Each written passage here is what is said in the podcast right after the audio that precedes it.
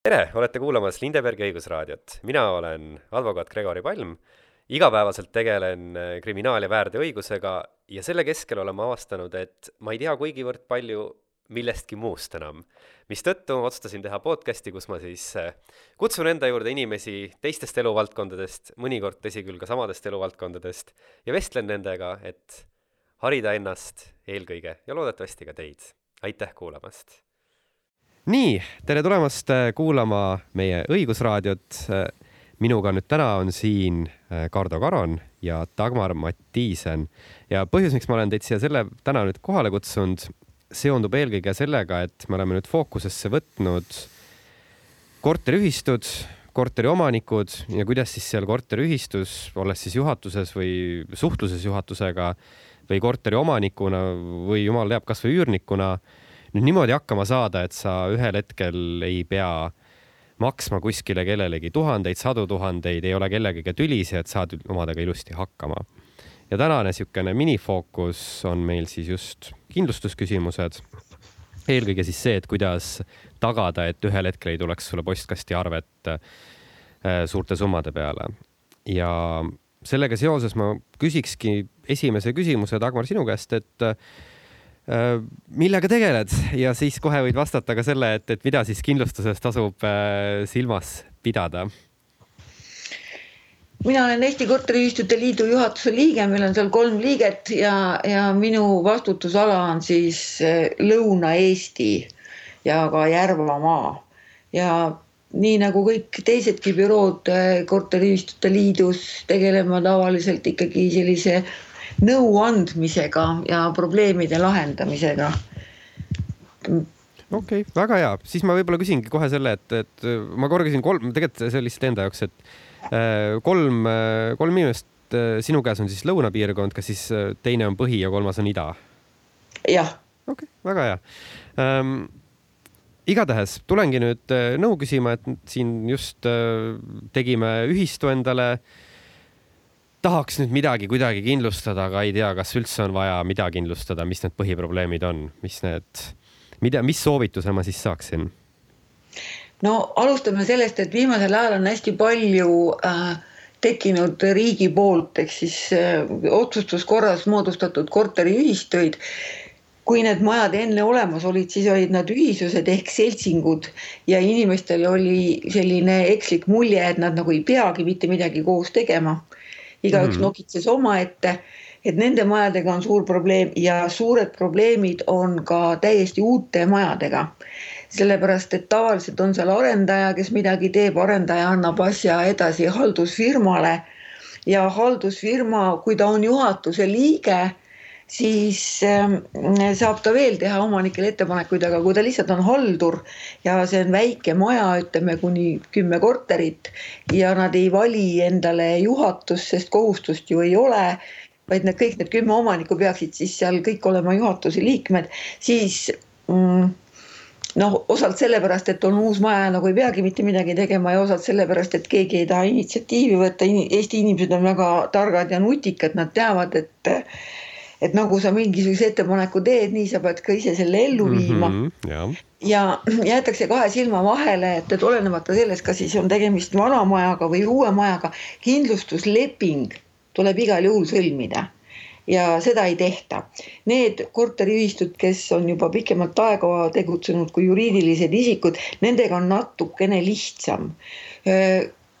seal reeglina on need kindlustuslepingud olemas kuid järjest raskemaks muutub äh, inimeste jaoks olla juhatuse liige, sest juhatuse liikmetel on palju kohustusi, õigusi neil ei ole ja vastutus on väga suur ja siis need juhatused vahetuvad. ja kui nad vahetuvad niimoodi, et ütleme, et, et see kolm kuni viis inimest, kes seal siis reeglina on, kui nad kõik korraga ära lähevad, siis seda ajaloolist järjepidevust ei ole. uued juhatuse liikmed ei tea väga täpselt, mida nad tegema peavad, sest et see vahetus ei pruugi olla alati äh, sõbralik, väga selline sõbralik just mm -hmm. nimelt ja, ja siis see kindlustusleping lihtsalt aegub. ma pean ütlema kõikide Eestis tegutsevate kindlustusseltside kiituseks, et nad tegelikult kirjutavad ja, ja, ja tuletavad meelde, et, et leping on nüüd aegumas, sest et lepingud sõlmitakse ainult üheks aastaks, aga kui see kiri läheb endise juhatuse e-postile, siis äh, noh, siis ta võibki sinna jääda. Ja, ja need lepingud lõpevad ära ja mitte keegi ei avasta seda enne, kui on häda käes. ja kui on häda käes, siis hakkab noh, pihta see, et noh, need kolm klassikalist küsimust, eks ju, et et, et mis nüüd teha, kes on süüdi ja kuidas, kuidas saaks kedagi siis karistada, aga kedagi karistada ju tegelikult ei ole, eks. tuleb selle, selle hädaga siis tegeleda ja seda likvideerima hakata ja sealt, sealt edasi siis tulevad igasugused need ähm, sellised äh, pisiasjad. Okei okay,, enne, enne kui me pisiasjadeni päriselt jõuame, et äh, ma korra küsingi siis lihtsalt üldiselt ära, et äh, mm. siin mainisid nüüd seda, et noh, kindlustusleping kas jääb tegemata või, või aegub ära siis selle aastaga. mida see siis täpselt endast kujutab, sest ma noh, mina korteriomanikuna olen ka nagu midagi kindlustanud, et mida siis see ühistu veel täiendavalt kindlustama peab?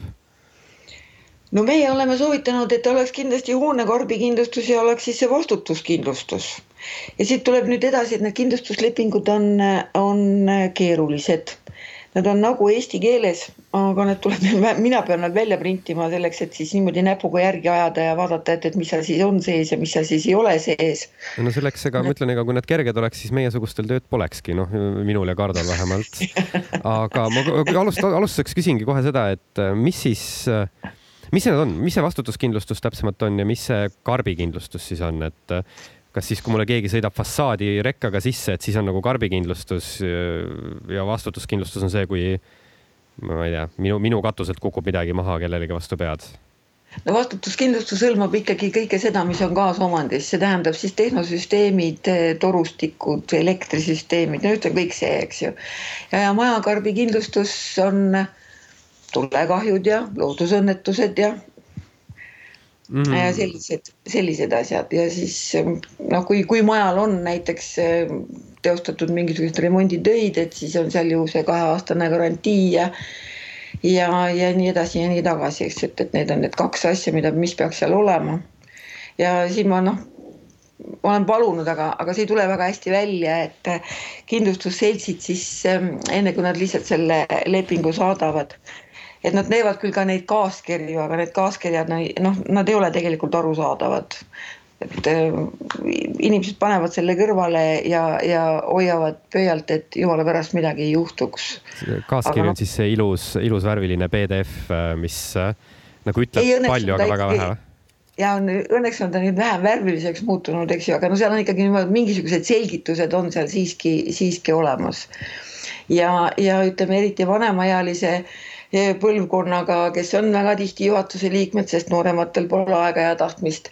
ja neil on äh, selline noh, süvenenud äh, teadmine, et niikuinii sellelt kindlustusfirmalt mingit raha kätte ei saa, mis ei ole absoluutselt tõsi. saab küll, kui õigesti asju ajada ja, ja kui endal kõik dokumendid korras on. Ja tihtipeale ei pöördutagi üldse kindlustusfirma poole ja siis tuleb väga suur pahandus, kui üldkoosolekul on avastatud, et tegelikult see kahju, mis on tekkinud, et seda oleks saanud ilusasti kindlustuslepingu alusel äh, korvata, aga siis juhatuse liikmed ei olegi kindlustusfirma poole pöördunud ja siis on see, miks me maksame ja siis me enam ei maksa ja mm, -hmm. ja siis mhm. järgmisi lepinguid ei sõlmita. aga ma küsin siis Kardo sinult, et äh, Äh, noh, nüüd oled siin kuulnud äh, kindlustuse suunas ka igasuguseid arvamusi äh, mitte küll Dagmari enda omad, aga noh, sihuke ühi-, ühisuse, üldsuse arvamus, et lepingud on täiesti noh, sageli väga raskesti arusaadavad. niikuinii kindlustuselt raha ei saa, milleks üldse sõlmida, et sinul on kindlustuse taust olemas, kuidas kommenteerid? jah, ma kõigepealt vastan su küsimusele ja siis lisan mõned oma mõtted sellele, mida Dagmar on meile juba siin öelnud, et kui täitsa aus olla, siis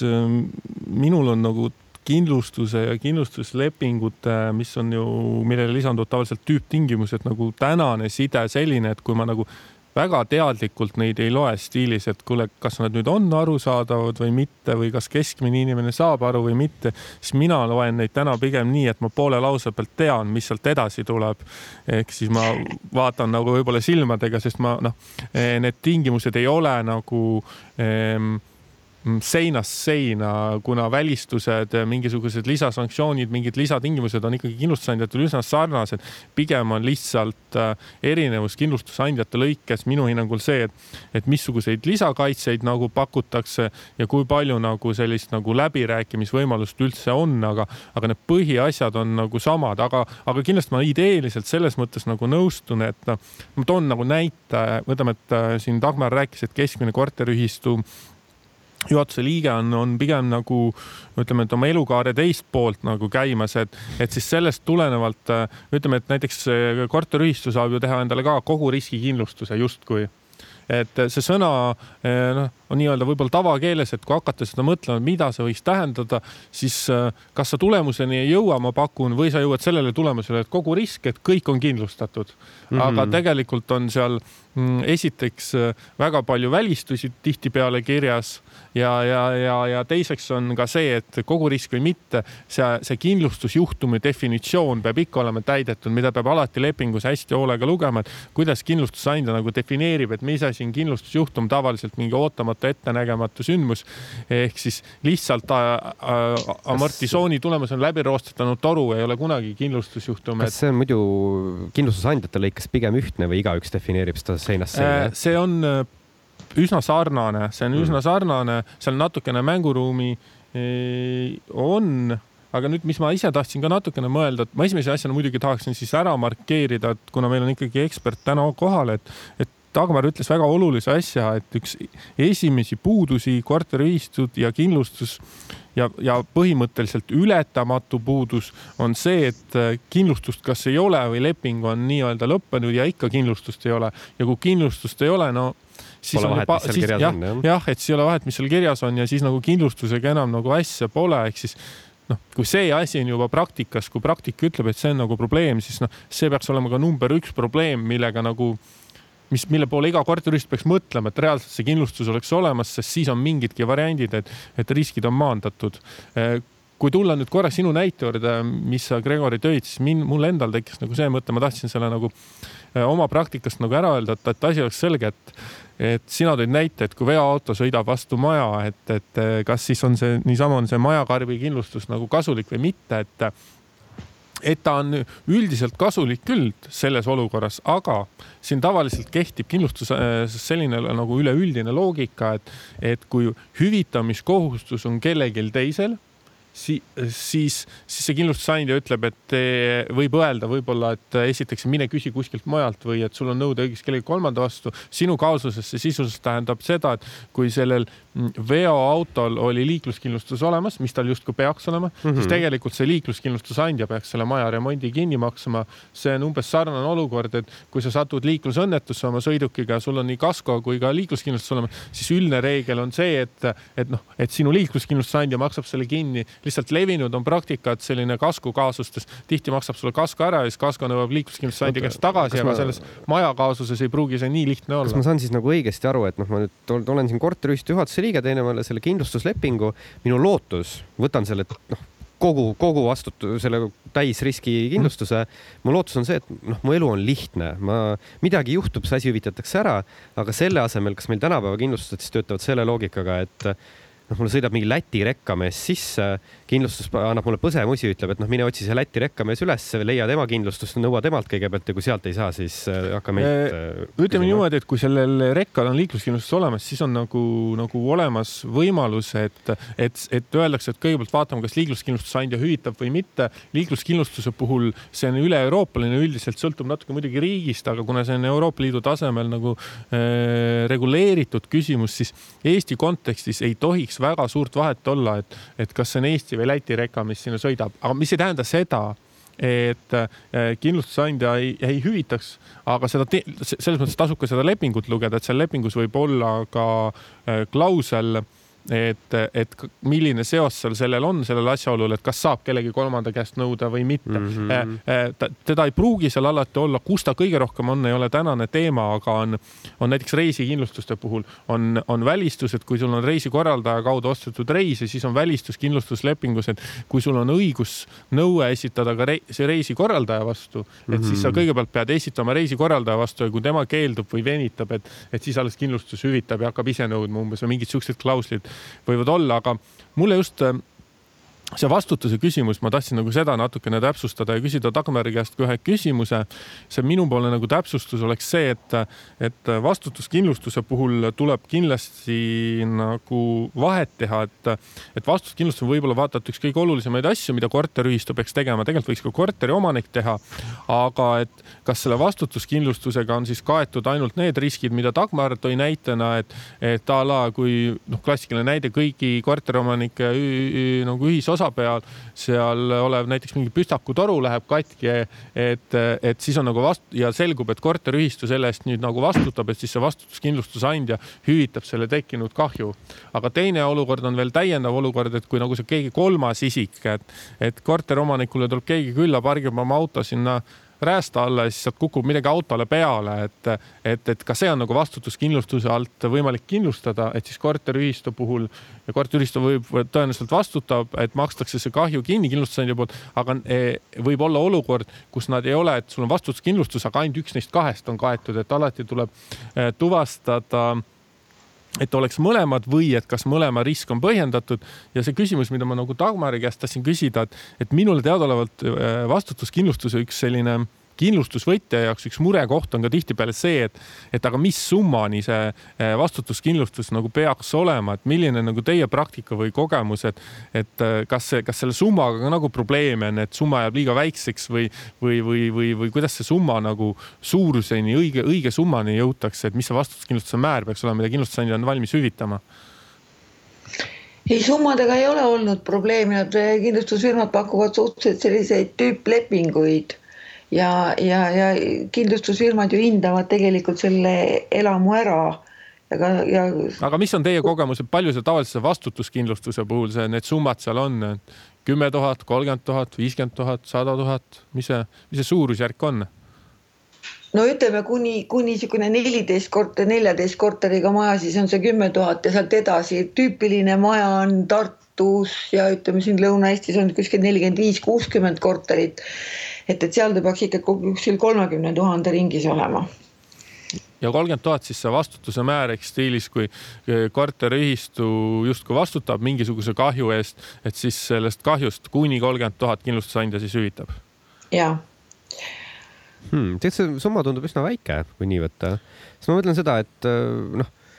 jumala eest siin mõnikord noh, mingi fassaaditööd võivad ju minna maksma mingi nelikümmend tuhat. ma võin tuua siin lihtsalt nagu siukse huvitava näite, et ega see ei ole nüüd mingisugune äh, süvateadus, kuigi paljude kindlustusandjate juures töötavad ju kindlustusmatemaatikad, kes tegelevad asjadega, millest mina kunagi aru ei saa. aga et sihuke nagu huumoriga öeldes kuldreegel on see, et näiteks kui korteriomanik soovib teha endale vastutuskindlustust, siis ta peaks lähtuma reeglist, et ta peaks arvutama, mitmendal korrusel ta elab ehk siis mitu korrust jääb tema alla näiteks kui ta elab viiendal korrusel ja alla jääb neli korrust, siis ta peaks iga korruse kohta arvestama kümme tuhat ehk siis nelikümmend tuhat. kui ta, kui ta, keda kunagi uputama keda, hakkab, siis uputab hakkab. nelja korterit. ja jah, et äh, umbes, et äh, umbes niisugune nagu kuld, kuldreegel võiks seal olla see, aga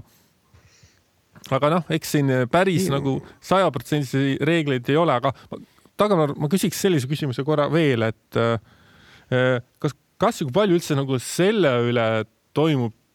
teie teada nagu praktikas vaidlusi, et eh, kes selle kahju eest nagu vastutab olukorras, et a la kas personaalselt korteri omanik või, või, või, või korteriühistu või kui palju korteriühistud nagu nii-öelda selle, sellise murega nagu üldse maadlevad? no see on põhiline probleem, kes vastutab. Eh, ma toon sellise lihtsama näite, et eh, kui elamus on vana küttesüsteem on need malmradiaatorid ja seal peal peavad olema sulgurkraanid. Need sulgurkraanid on tavaliselt kas siis et roostes või et katlakivi täis. nüüd kevadel lülitatakse küte välja, lastakse süsteem tühjaks, et kõik saaksid siis remonti teha ja et, et seal ei, ei tekiks mingisuguseid veelekkeid küttesüsteemist, sügisel pannakse nad uuesti tööle, hoiatatakse omanikke et nüüd paneme kütte sisse, et olge palun kõik kodus, kui midagi tekib, siis kohe saab vaatama minna. aga nad on ekraanid suve jooksul lahti teinud ja ei ole ühistut teavitanud ja siis hakkab sealt see küttesüsteem hakkab jooksma. nii, ja kes siis on süüdi? küttesüsteem on kaasomandis. samas kraani tegi ju lahti omanik, eks, ei teavitanud või lõhkus ära omanik mm. -hmm. ja nüüd siis hakkab see vaidlus, kes on süüdi ja need kestavad tavaliselt päris kaua aega ja on üsna närve söövad, eriti veel siis, kui vahepeal veel need omanikud vahetuvad et kui on väiksem kahju, siis ühistu juhatused pigistavad hambad kokku ja maksavad selle, selle kahju siis remondifondist kinni, aga kui on tegemist suure kahjuga, kui näiteks omanik on ära sõitnud kodust ja ei saa seda noh, seda kahju ei avastata enne, kui ütleme neljandalt korruselt on vesi jõudnud juba teisele korrusele. et siis need vaidlused on, on kirglikud ja pikad aga kuidas need vaidlused tüüpiliselt siis lahenevad, sest et ma tean, noh, ma ise olen omal ajal tegelenud omajagu just mingite, no need klassikalised uputamiskaasused ja siis on alati olnud see kuldreegel, et noh, vähemalt, et, et kui toru on ikkagi sellest veearvestist nagu korteri poole, siis on vahet pole, mis seal juhtunud on, korter vastutab. ja mulle tundub see, et kui radiaator on ikkagi korteris sees, noh, mis siis, et kuulub ju nagu justkui kaasomandisse. kas siis ei vastuta korteri omanik või? peaaegu jah, täpselt nii ongi. radiaatorid omavoliliselt vahetada ei tohi, sest seal on need pealevoolu ja äravoolu hulgad on äärmiselt olulised. Et ühistu juhatus võib anda omanikule nõusoleku, kui ta on kooskõlastanud, mis radiaatori ta sinna paneb, sest et radiaatoritest ju sõltub see, kas see küttesüsteem on tasakaalus või et kas tal on võimalik tasakaalustada ühistud on võitnud, kui on nad ära suutnud tõestada, et nad on omanikke hoiatanud ja et nad on teinud regulaarselt eh, radiaatorite ja küttetorude eh, hooldust. Ja no omanik ei pruugi ju sisse lasta mm. -hmm eks, ja kui on, on siis tõendatud, et omanik ei ole sisse lasknud või et hooldus on tehtud, aga omanik on ise ikkagi selle kraani lahti teinud et siis on ühistu võitnud. aga kusjuures seoses sellega mul just oli üks, üks kaasus, seal ma esind-, esindasin korteri omanikku, kes ei lasknud sisse ja me seal tekkis see probleem, mida lõpuks ei saanudki ära, ära tõendada kohtus. noh, korteriühistu ütles, et jah, et me käisime, no esimees oli seal ukse taga käinud, koputanud viisakalt. korteriomanik, no seal olid suhted halvad, ütles, et no ei lase sisse, tee, mis tahad, tule kangiga, kui soovid niisugune sõna sõna vastu olukord ta lõpuks oli ja ega kohus tõstis käed üles, ütles, et noh, ju siis, ju siis ei ole käidud, et ju siis korteriomanik räägib, et, et mida see ühistu juhatus siis tegema peab, et ära tõendada see, et nüüd ei lastud sisse. iga kord peab siis olema keegi nii-öelda sihuke mitu neutraalset kõrvalvaatlejat kõrval või, või kuidas ja, see fikseeritakse? tunnistajad peavad olema jah. ja. siis tuleb vormistada selline kirjalik akt, kuhu siis tunnistajad kirjutavad üles, et jah, sellel kuupäeval, sellel kellaajal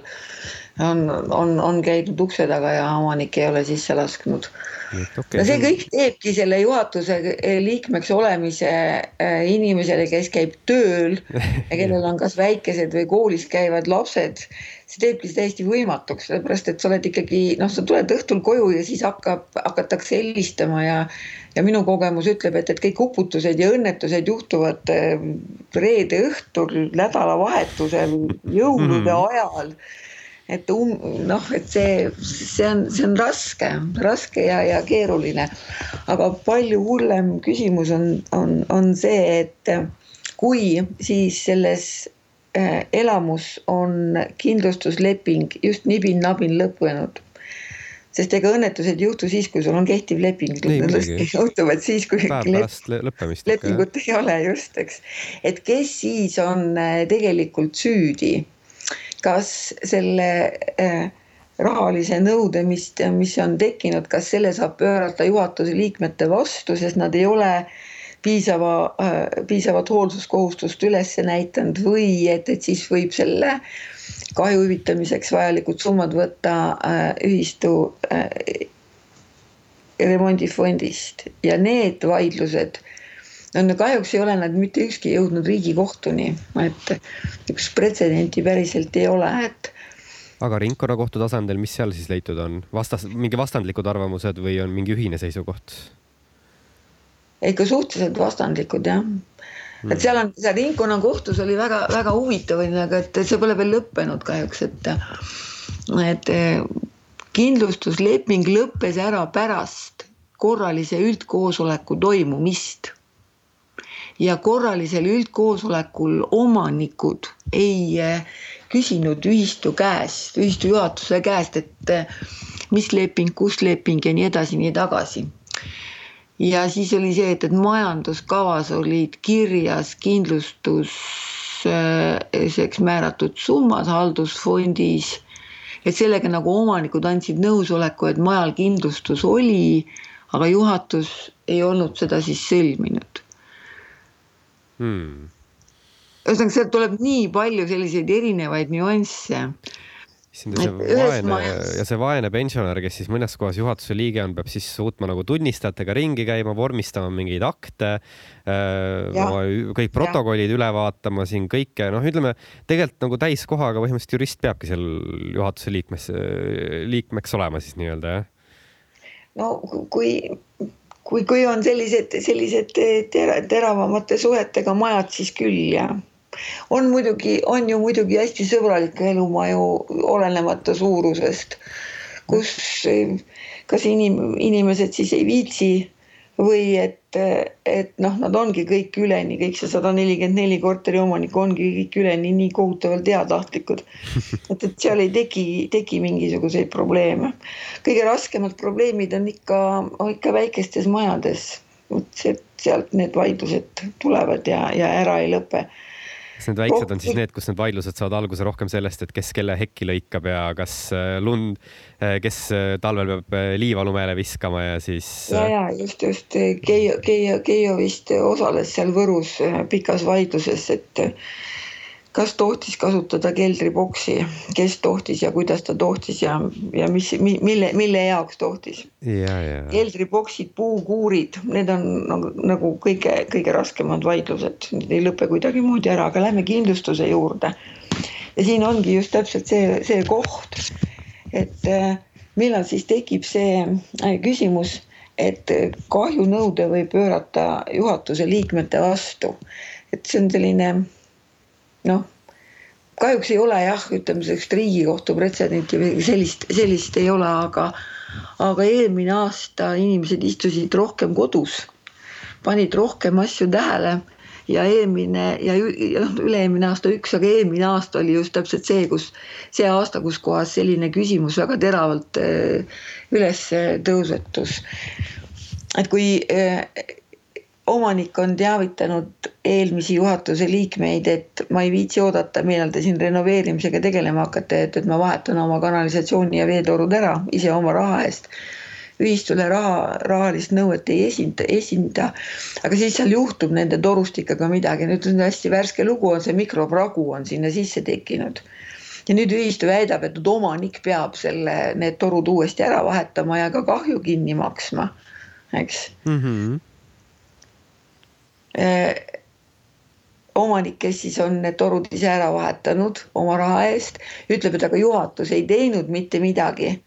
ja nüüd siis hakkame vaatama vanu üldkoosolekute protokolle, kas juhatus on teinud omanikele ettepaneku kanalisatsiooni ja veetorustiku vahetamiseks ja kas on siis see nüüd hääletusel läbi läinud, ei ole läbi läinud ja mul on selline tunne, et kui juhatus ei ole omanikele teinud selliseid renoveerimise ettepanekuid, et siis peabki juhatus vastutama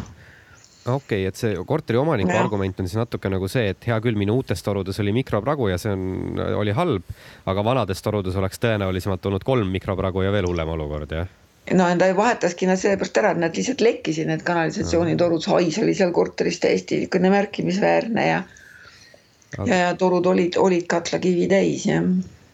Kardo, mis siis sinu seisukoht on, mida sina näed, oleks see õiglane lahendus nii, et selles olukorras vastutab ühistu ikkagi või? ütleme niimoodi, et, et ma arvan, et nii-öelda vaidluskohta või, või, või mida maakohtult oodata, jumal teab, mis sealt tuleks, aga, aga mu esimene, esiteks mu esimene kõhutunne on, on pigem see, et korteriühistu ikkagi vastutab, teiseks tuleb siin natukene nagu äh, vaadata nagu seda, et, et seda, et mis osade eest ikkagi korteriühistu nagu justkui kortermajas vastutab ja mis, mis mitte, et a la samused püstakutorud või need radiaatorid või mingid muud asjad, mis ikkagi loetakse ju, et see on nüüd kõigi ühisosa, et, et, et, et korteriühistu nagu vastutusalasse, et, et kuna see nii-öelda see piiritlemine ja see vastutus tuleb tegelikult ju seadusest. Et kui korteriühistul on seadusest tulenev vastutus, siis mulle tundub, et, et niisama kergelt ei saa nagu sellest seadusest tulenevast vastutusest nagu üle minna või üle libiseda, öeldes, et aga näed, siin see inimene e, ise midagi tegi või, või, või need asjad, et see nagu nii lihtsalt ei käi, et, et, et, et tänu sellele ma esi, esmapilgul nagu kipun nagu jaatama, et, et ei tohi ka ära unustada, et et sellistes olukordades võib reaalne olukord olla ka nii, et, et ei peagi olema mustvalge, et, et sina vastutad ja mina ei vastuta, vaid, vaid korteriühistute teemades ja korteritega seotud teemades on ju alati olemas ka võimalus, et korteriomanik ja korteriühistu vastutavad solidaarselt näiteks. et, et ka nagu seda varianti ei saa nagu tihtipeale nagu laualt nagu minema visata, et aga, aga kindlasti ma usun, et tegemist jälle teemaga, millel nagu sajaprotsendiliselt ühest vastust anda ei saa, sõltub detailidest, pluss mulle tundub, et see korteriühistute ja nii-öelda vaidluste teema on tihtipeale ka see, et mm, tegelikku sellist nagu kindlat veendumust või ühesugust kohtupraktikat või, või asja paljudes küsimustes ei ole, eriti nüüd see, selle praeguse seaduse kujul, et siin on väga palju kohti, mis on nagu veel lõpuni, ütleme nii-öelda läbi rääkimata või läbi vaidlemata, et, et, et tõlgendamisruumi jääb tihtipeale alati. Jah, vot mul tekkis küsimus, et ja küll need torustikud, aga ütleme majas on eh, kaheksateist korteriomandit, eh, parkimiskohti on neli, parkimine on korraldamata, pargib see, kes saab. ja nüüd, kui selles parklas, mis on ühistu maa peal, autoga juhtub midagi, et kes siis, kes siis peab selle auto omaniku selle oma vastutuse osa kinni maksma, kas sellel auto omanikul on õigus nõuda ühistu käest seda oma vastutuse osa või ei ole no nii, Kardo, mida su kõhutunne ütleb? mina, mina ei tea, nii et. selles mõttes nagu väga hea küsimus. Äh, et äh, aga, aga ma pigem, ma pigem alustaksin või mina nagu vastaks esimese kõhutunde pealt niimoodi, et seda ühistu vastutust nagu selgelt välistada ei saa et, et, et pigem tuleks nagu siis leida, et, et, et mis alusel me siis ütleme, et ta ei vastuta või mis, mis loogika see on, et, et ma arvan, et siin on nagu see koht, kus nagu päris elu peab andma vastuse, et võib-olla äh, Dagmari enda nagu praktikast oskab nagu öelda, et kuidas need lahendused on nagu jõut-, lahenduseni on jõutud, aga, aga mulle tundub, et see nagu vaikiv eeldus on pigem see, et et korteriühistu vastutab ja siis vaatame, et äkki selles olukorras on mingid asjaolud, mis selle vastutuse siis justkui välistab ongi väga hea, ma siis Dagmar küsingi sult, et äh, mida sinu kogemus tõesti ütleb, et äh, kas see töötabki nii, et noh, kriminaalmenetluses on, eks ole, see tõendamiskoormis niipidi, et kui päriselt kindel pole, siis küllap inimene asja toime ei pannud. kas siis korteriühistute maailmas on nii, et kui päriselt kindel pole, mis toimub, siis pigem korteriühistu vastutab? jah, päris maailmas on tõepoolest niimoodi kui ei ole äh, sellel juhatusel ette näidata taasesitamist võimaldavas vormis, et ta on kõikidele omanikele teavitanud, et selles parklas noh, on suured augud ja et, et sealt võib ka jääpurikas auto peale kukkuda. et ärge palun sinna parkige mm. -hmm. ja omanik ikkagi pargib, et siis siis ühistu rahakotti ei pea kergendama, aga kui sellist hoiatust ei ole, siis peab. no okei okay., jälle kord siis ühesõnaga Äh, kirjalikku taasesitamist võimaldavas vormis oli see kriitiline asi, mille ma kohe kinni püüdsin, et ma saan aru, et, et ka viie korteriga ei pruugi piisata sellest, et äh, siis juhatuse äh, esijuhatuse liige käib siis õnnelikult kõikide uste taga ära, ütleb, et kuule, ära sinna pargi, vaid ikkagi peab kirjalikult olema ja jälle tunnistajad alternatiivselt, eks ole, et kõik, kõik asjad ja vaata, nüüd me olemegi jõudnud selle, selle, selle kohani, et kus kohas on siis ütleme, korteriomanikul on olemas kindlustus, eh, veekahju tekkis, ütleme siis eh, radiaator küttesüsteemist. Eh, aga see omanik on ju ka ühistu liige mm. -hmm. ta saab kindlustuselt oma, oma need kahjud kõik kätte ja siis on tal see omavastutuse osa. et kas kas tal on õigus seda omavastutusosa siis ka veel ühistu käest nõuda? või ei, või ei ole, no viisakas ei ole, ütlen no, mina selle peale, aga. suhted on halvad, eks ole, siis see viisakus ei huvita kedagi, jah? Eh, nojah, kahjuks. aga Kardo, ma küsin, küsin, suunan selle küsimuse kohe sulle, ma küsin seda ka juurde veel täiendavalt, et sa oled koguni kaks ühe hinnaga täna Ähm, kui nüüd juhtubki nii, et äh, noh, tekib ka olukord, kus siis ühistu ja omanik näiteks vastutavad solidaarselt äh, ja samal ajal see omanik on ka korteriühistu liige, oletame, et selles korteris on siis näiteks neli, no ühistus on neli korterit. kas see tähendab seda, et äh, kui ma, kui minul tekib kahju, mille eest ühistu vastutab korteriomanikuna, siis ma saan ainult seitsekümmend viis protsenti rahast, sest et noh, kakskümmend viis protsenti sellest ühistust olengi mina ja see tuleb minu rahakotist. Ütleme niimoodi, et päriselus, kui korter on kindlustatud, siis nii-öelda tihtipeale see nii-öelda kindlustusandja, kodukindlustusandja maksab selle kahju kinni ja, ja, ja lihtsalt mida ta seal põhjendatuks loeb, mida mitte, aga sellist nagu süvaarvutust ei pruugi alati teha siin selles sinu näites, aga kui sinu näidet võtta ja see olukord on see, et kahju põhjustamise eest justkui vastutab korteriühistu, mitte mõni teine korter mm, -hmm. vaid korteriühistu, siis võiks ju öelda küll, et äh, kahekümne viie protsendi võrra tuleks seda vähendada, sellepärast et tema ise vastutab ka selle eest sisuliselt kõik kõik korterid vastutavad äh, solidaarselt koos selle korteriühistuga justkui, et need torud oleksid nagu korras mm. -hmm. et seda asjaolu võiksin argumenteerida ja siit ma tuletaksin ka sellele esimesele küsimusele vastuse, et, et kui korteriühistu vastutusalasse kuuluv kahju on tekkinud, et siis et tõenäoliselt see paarsada eurot omavastutust, mis sellel korteri omanikul on, et see on väiksem summa, kui võiks olla tema solidaarosa sellest kogukahjust või vähemalt see suurusjärk võiks olla sama, millest tulenevalt ma leiaks, et äh, lisaks moraalsele ma küsiksin, et, et äkki annaks ka ikkagi õiguslikult argumenteerida, et ta ei saa seda omavastutust veel eraldi korteriühistu käest nõuda. ja mulle tundub igatpidi niimoodi nagu inimlikum ka aga kas sulle, noh, inim-, kas sulle tundub ka selline lahendus nagu praktikas töötavat? see, et ta võib-olla inimlikum on, see, sellest me saame ilmselt kõik aru, aga ega õigus ja inimlikkus alati ka käsikäes ei käi. noh, iga korteriühistu on nagu väike mikrokosmos, et läbilõige eh, meie ilusatest ja headest inimestest, nii et eh, siin ei oska kunagi öelda. et kui keegi jonni ajama hakkab, siis ta, siis see loomulikult ei tööta, eks mm. -hmm. aga mul oleks üks, üks täpsustus veel või nagu küsimus just nagu Dagmarile sellest vaatest, et, et kui mina nagu õigesti aru saan, et noh, et üldiselt ütleme niimoodi, et, et kui korteri ühistu justkui nagu vastutab, eh, kui ta suudab ära tõendada, et ta, et ta ei nagu vastuta, no siis on kõik nii-öelda nii-öelda korteriühistu vaatest justkui hästi. või, aga kui on näiteks see olukord, et eh, kõikidest asjaolude pinnalt selgub, et eh, ei vastuta ükski korteriomanik ja ei vastuta ka otseselt selles mõttes nagu mm, korteriühistu, et, et see vastutuse eelduseks on see, et sa, et kahju on tekkinud ja et midagi saab ette heita eh, ka lisaks, ehk siis seda etteheidetavust ei esine. toome näite, mida ma sellel silmas pean, seesamune siin mingi püstaki toru vahetus. ütleme, et korteriühistu tegi koosoleku, kõik otsustasid ära.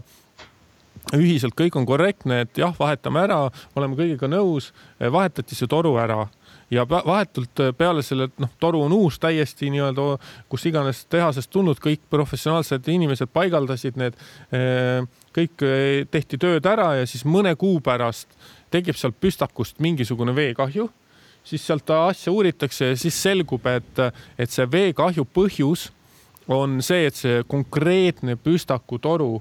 nii-öelda oli mingisuguse, kas siis defekt, kerge defektiga või mingi harukordne juhus, kus sinna tekkiski näiteks mingi mikropragu, mingisugune asi, kus hakkas vett läbi tulema. nüüd me vaatame nii-öelda korteriomanikule, kelle võib-olla kuskil seal seina taga see püstakutoru on, midagi ette heita ei saa. korteriühistule justkui midagi ette heita ei saa selles mõttes, et püstakutoru vahetasid ära, lasid professionaalil vahetada, ei saa mõistlikuks pidada seda või nõuda seda, et, et uue toru puhul käiakse iga nädal seal vaatamas või koputamas vaatamas, et kas see toru on nüüd korras või mitte, ehk siis justkui midagi ette heita ei saa. aga nii palju, kui mina aru saan, siis sellises olukorras ja, ja ka Riigikohus on öelnud vist eelmise aasta kevadel midagi sellist, et sellises olukorras ja siis tekib kahju näiteks ühele korteriomanikule, et siis sellises olukorras vaatamata sellele, et korteriühistule ei saa nagu midagi ette heita, siis korteriühistu ikkagi selle kahju eest vastutab ja nii-öelda sellele korterile tekkinud kahju peab korteriühistu hüvitama, et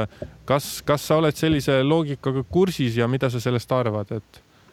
No see sõltub, et äh, kui tegemist on uue toruga, siis on noh, meile antakse kõikidele töödele kaheaastane garantii, eks. no see on see, et teil on ja. põhimõtteliselt siis korteriühistuna tõenäoliselt õigus nõuda täiendavalt äh, midagi sellelt ehitusettevõttelt või kes iganes torumüüjalt, aga ütleme, et nii-öelda teie sisesuhtes, et justkui teie peate korteriomanikule ikkagi ühistuna selle kahju hüvitama, lihtsalt teil on tagataskus see, et, et te ei pea seda kulu ei jää sada protsenti teie enda kanda, vaid et te saate siis selle kulunõude esitada omakorda siis sellele to, toru, torupaigaldajale või torumüüjale või? jah, no nii ta tavaliselt ongi ja äh, mina olen noh, väga pikka aega sinisilmselt arvanud, et kui ühistul on olemas kindlustus, et siis see ühistu kindlustus tegelebki selle, selle torufirmaga ja kümme aastat tagasi oli kindlustusfirmadel olid ilusasti kahjukäsitlejad, nad käisid kohal, tegid professionaalse akti, kõik on korras. tänapäeval enam ei käi et sa pead ise olema see tark, kes siis teeb selle, selle kahju tekke põhjuse kindlaks, siis koostab aktid selle kohta ja, ja juhatuse liige ise peab siis hakkama taga ajama need, seda ütleme siis konkreetsel näitel seda torufirmat või keda siis iganes. Et reeglina firmad ei taha mitte midagi maksta ja siis on omanike otsustada, et, et kas nad lähevad selle töö teostanud firma vastu kohtusse või ohkavad raskelt ja, ja, ja, ja siis maksavad kinni, et natukene maksab ka kindlustusfirma ja natukene siis peavad kõik omanikud tasuma aga selle käsitlusega sa sisuliselt nõustud, et, et nii-öelda korteriühistu siiski nagu vastutab ja peab hüvitama, et pääsu ei ole, et, et see loogika on selline? jah, no ikka see on kaasomand ja seal no tegelikult tunnevad omanikud ennast ise ka ju paremini, mhm. et. kui niisugune turvalisuse nii-öelda tagala on olemas. mulle lihtsalt õiguslikult see natuke kohati, ma ei ütle, ma isegi saan aru sellest käsitlusest ja ma ei ütle, et see kuidagi minu meelest vale on, aga, aga see käsitlus siis natukene sarnaneb, võiks öelda sellele, et justkui korteriühistul on, on teatud kahjude puhul justkui nagu absoluutvastutus, et, et vahet ei ole, kas ma andsin endast parima või mitte, vahet ei ole, kas ma tegin midagi valesti või mitte, ma pean ikkagi mm, nii-öelda kahju hüvitama, ma ikkagi vastutan, mis omakorda ju sisuliselt tähendaks seda, et, et seda tuleks igal juhul arvesse võtta ka mis iganes kindlustuslepingu sõlmimisel, et võimalusel seda, seda nii-öelda riski siis nii-öelda läbi selle maandada, et jah, ma vastutan, aga õnneks hüvitab minu eest keegi teine. jah, just täpselt.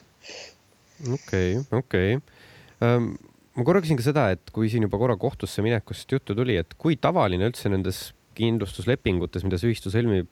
kui sageli seal on olemas mingi nii-öelda õigusabikindlustus või midagi sellist, sest ma kujutan ette, et äh, kui sa nüüd oledki selles olukorras, kus äh, pead mõtlema, kas minna mingi torumehe, no torufirmaga vaidlust pidama toru keskmise kvaliteedi üle, noh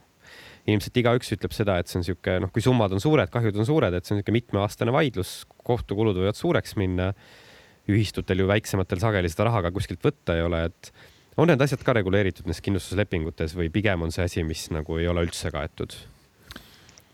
Eh, praegu tähendab Tallinnas on äh, suurtes majades, kus ikka ja jälle on, on tarvis kohtuteed ette võtta, et seal, seal on see õigusabikindlustus, nende, nendes majades on olemas äh,. Lõuna-Eesti inimesed on sellise pika vinnaga, et ja võib-olla keskmiselt sõbralikumad siis ka, et ei ole senimaani nii väga vaja öelda. harvemini, harvemini kohtusse, aga see mm, hoog on siin ka juba nüüd natukene suurenenud, siiamaani ei ole veel õigusabikindlustust tehtud, aga päris paljud maja, maja, no ütleme, korteriühistud on pannud oma majanduskavasse eraldi sellise makse, et, et nad korjavad õigusabi kuludeks igaks juhuks, no eriti need majad, kes hakkavad rekonstrueerima või et kus kohas on võimalik üle välja ehitada pööningukorruseid et kus need omanikevahelised ehm, kokkulepped ja vaidlused on kerged tulema, eks ju. et, et nemad hakkavad raha korjama, aga sellist, sellist kindlustust jah, ei, ei ole veel. et ma võib-olla omalt poolt täpsustan seda, et eh, kindlasti igasuguses täna veel Eestis, igasuguses nii-öelda korteriühistu või kasvõi korteri omaniku enda nagu kodukindlustuse ja seal korteriühistu nii-öelda äh, kogu riskikindlustuse, mis iganes karbikindlustus, äh, mis, mis, kuidas seda ka teenust või toodet ei nimetata, et, et see reeglina ei sisalda endas mingisugust katet või tagalat äh, õiguskulude katteks, kui läheb vaidluseks, aga osad kindlustusandjad pakuvad nii-öelda see samune lisakaitse, et su kindlustusmakse natuke suureneb, aga sa lisakaitsena on, tuleb ka see, et me hüvitame mingis ulatuses, võib-olla on seal piirmäär, võib-olla üldine, et, et me hüvitame vaidluse korral ka õigusabikulud ehk siis see lisakaitse on olemas, võib-olla Tallinnas mm -hmm. seda mhm. kasutatakse rohkem, ehk siis tegemist on kindlasti asjaga, mis reeglina täna minu teada on midagi sellist, mis tuleb nii-öelda lisaks juurde võtta sellele tavalisele kindlustuskomplektile, et, et sa teed linnukesega siia, et ma soovin seda kaitset et seda tasu nagu meeles pidada, et see ei ole kindlasti see, et, et Tallinnas pakutakse automaatselt, nad võivad selles mõttes, kindlustusandja võib teha pakkumise koos soovitusega. meie hinnangul oleks seda ka vaja, aga seal on vaja ikkagi sihukest nagu jah-sõna ja, ja sellist kindlat nagu linnukese tegemist piltlikult öeldes, et ma tahan seda kaitset, ma tahan seda kaitset, ma tahan seda kaitset ja, ja siis see on üks nagu spetsiifiline nagu lisakaitse tavaliselt mm ja seda peab rohkem selgitama hakkama äh,, sellepärast et äh, noh, majad vananevad ja ehituskvaliteet ei ole ka alati selline, nagu inimesed ootavad ja loodavad. et probleeme tekib. aga, aga me ei ole jah, seda rõhutanud eraldi, et, et, et seda, see on, see on hea teadmine mulle endale ka, et, et tuleb siis rääkima hakata, et võtke endale see lisakaitse ka igaks juhuks. eks ta muidugi sihuke maru depressiivne müük on selles osas, et, et mitte ainult noh, sa ei pea muretsema selle pärast, et kas äkki nüüd midagi siin läheb katki, no see on nagu loogiline, inimesed oskavad sellega arvestada, et noh, ikka igasuguseid asju võib juhtuda. aga ma arvan, et eriti korteriühistud, kus suhted on sõbralikud omavahel, siis ega ilmselt üsna raske võib olla müüa inimestele maha seda mõtet, et aga nad võivad silmapilguga muutuda niivõrd halvaks, et olete seal kõik otsapidi kohtus kellegagi ja, ja peate mingeid pikki vaidluseid noh, omanikuna üldse väga raske igasuguseid makseid maha, maha müüa mm,. see on ka tõsi muidugi, jah et väga optimistlikud on äh, uute majade elanikud, et ah, kui meil midagi juhtub, et siis kohe korjame raha. ja siis, kui ma vaikselt niimoodi ütlen, et, et no jaa, aga teil on kõik korterid liisingutega ostetud, eks ju, ja kui teil see äh, katus äh,, noh, lamekatus hakkab, hakkab läbi jooksma, et, et see on, see on kallis töö et kust te siis kõik kohe selle raha võtate ja siis noh, noh, kõik siis on, on veidi nõutud, aga remondifondi raha korja, korjama ei hakata enne kui on häda käes. see on jah selles mõttes, äh, ma nende uute, uute majadega üldse kuidagi, ma ei tea, kas, kas see on üldse mingi teema, aga ma ise olen nagu sellega niimoodi kokku puutunud, et äh, uued majad sageli, noh, kui on täpselt sihuke, et samal ajal veel ehitatakse kõrvalparaadnad, kui sa juba esimesse sisse kolid. et vähemalt esimestel kuudel või võib-olla aastatega on isegi väga kerge hoida seda suhtumist, et noh, kui midagi on, kutsun selle ehitustöölise kohale, kes siin niikuinii teeb mingi garantiiremondi, parandab ära. et hästi paljud, kes mul tuttavatest sõpradest on sinna kolinud, nendel ongi nagu see suhtumine, et ah, ventilatsioon ei tööta, ma lihtsalt helistan nüüd sellele, kes arendaja on, las parandab ära ja hiljem on kuidagi väga raske ilmselt üle minna selle mõtte peale, et aga see ongi minu vastutus ja see arendaja ühel hetkel mu kõnesid ei pea enam vastu võtma või selle murega tegelema. jah, kõik arvavad, kõik teavad, et neil korter on kindlustatud. Aga kui jah, juhtub midagi trepikojas, katusel või, või, või keldris, siis, siis on omanikud häiritud ja ja noh, siis tuleb võib-olla isegi meelde, et ja jah, et me pidime ju maja ära kindlustama ja me pidime ju ka korjama, aga, aga vot vahepeal ei ole seda tehtud. Aga Tagamäär, mul oleks sulle veel üks küsimus nagu kui praktikule või et kas, kas sa tunned, et ka sellist probleemi esineb, et näiteks korteriühistu teeb oma kindlustuse ära, leping on kehtiv, kõik on hästi, aga siis mm, otsustatakse seal korteriühistus midagi eh, tegema hakata, ma ei tea, näiteks katust parandama või, või mingeid asju, mis sisuliselt nii-öelda kindlustusandja vaatest tähendab kindlustusriski suurenemist ja siis seda ei kooskõlastata kindlustusandjaga ja siis, kui midagi juhtub, siis tekib umbes vaidlus, et näete, et, et aga siin on riski suuremine, et me nüüd ei hüvita, et kuna ei olnud arvestanud sellega, et teil hakkavad ehitusmehed käima mingite pikkade teravate oradega mööda, mööda meie katust ringi ja seal siis mingeid auke tegema, et, et, et, et see on riski suurenemine ja selle tõttu me ei hüvita, kuigi muidu oleks nagu justkui katus ka eh, kindlustusega kaetud, et kas praktikas on selliseid muresid ka? see on reegel, tavaliselt eh, kui hakatakse elamus midagi tegema sellist nagu natukene suuremat tööd kui, kui lihtsalt eh, trepikodade värvimine, siis mitte ükski ühistu selle kümne aasta jooksul, mis ma siin töötanud olen, ei ole hoiatanud oma kindlustusfirmat aga sa nõustud, kas sa nõustud selle käsitlusega, et peaksid ju tegema, on ju, sest see on väga oluline asjaolu? ja me oleme, no meil on äh, lõunas ja siis seal Lääne-Eestis ja, ja, ja Tallinnas, eks et noh, meil on nagu kolm sellist korteriühistute konverentsifoorumit, me kogu aeg kutsume sinna erinevaid kindlustusfirmasid rääkima, tuletame seda meelde, et, et mm. niimoodi peab tegema, mis, mis ajahetkest, noh, kuidas peab suutma korteriomanik, kes ei ole ju ehitaja ega, ega ka jurist, et mis, mis, mis ajahetkest eh, tal võiks nagu tekkida see tunne, et nüüd ma peaksin hoiatama oma kindlustusfirmat, me oleme öelnud, et hoiatage ka siis, kui te ei tea väga täpselt, küll kindlustusfirma teab, aga mitte ühtegi näidet ei ole mul tuua, kus on tehtud suuremamahulisi töid ja kindlustusfirmat on eh, teavitatud aga vastupidiseid küll mis siis sisuliselt halvimal juhul ju sisuliselt tähendab seda, et tehakse midagi väga riskantset, aga selle kindlustus tegelikult ei puudub. vähemalt selles ja. mõttes, et kindlustusandja keeldub siis. jah ehk Just. siis jällegist on tegemist olukorraga, kus see vaene pensionärist juhatuse liige siis peab veel tagatipuks äh, hoidma seda kommunikatsiooni ja kõik inform-, informeerimiskohustused ise ka ära täitma, eks ole aga tulles korra veel tagasi sellega seoses, Gregori tänavad me, eh, meeldetuletused, tuli mulle nagu pähe see mõte, mida ma ennem tahtsin ka korra öelda, et, et nii-öelda see juhatuse liige ja, ja tema raske koorem seal et ma tean, et osad kindlustusandjad äh, nagu üleüldse äh, pakuvad hästi erinevaid kindlustusteenuseid ja, ja mille kõige vastu tänapäeval kindlustada ei saa. üks asi, mille vastu justkui nagu saab kindlustada, on ka, äh, et juhatuse liikme mingisugune vastutuskindlustus, et ma ei tea, kas nad nagu korteriühistutele seda nagu pakuvad, aga teoorias ju võiks ju olla ja et kas sellisele asjale ei võiks olla mingi jume, et, et korteri, mitte ainult korteriühistu vastutus ei ole kindlustatud, vaid ka korteriühistu juhatuse liikmete vastutus eh, mingisuguste asjade vastu on kindlustatud ja, ja kui ta siis ära unustab mingi asja eh, piltlikult öeldes või teeb midagi nii-öelda lihtsalt teadmatusest valesti, et siis, siis on justkui nagu mingisugune kaitse olemas, sest see võiks olla ju ka korteri eh, omanike huvides, sest see kindlustusandjalt nii-öelda raha saamine on alati oluliselt lihtsam kui ükstapuha milliselt konkreetselt kahju põhjustajalt tavaliselt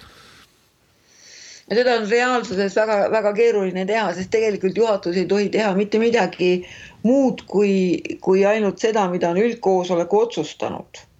välja arvatud, ütleme, avariide likvideerimine ja, ja võlglastega tegelemine. aga kui sa näiteks ühistul tõstatada teemat, näete kindlustuse nüüd plokk et kindlustame ära korteriühistu nii-öelda kortermaja, selle ümbruse, mis iganes seal katted peale ja siis eraldi ka, ma ei tea, protokolli otsus ja et kõik juhatuse liikmed sõlmivad endale mingi juhatuse liikme vastutuskindlustused, et siis see teoorias võiks olla võimalik, eeldusel, et kindlustusandjad seda pakuvad ja, ja selle nii-öelda teenuse sisu on ka korteriühistu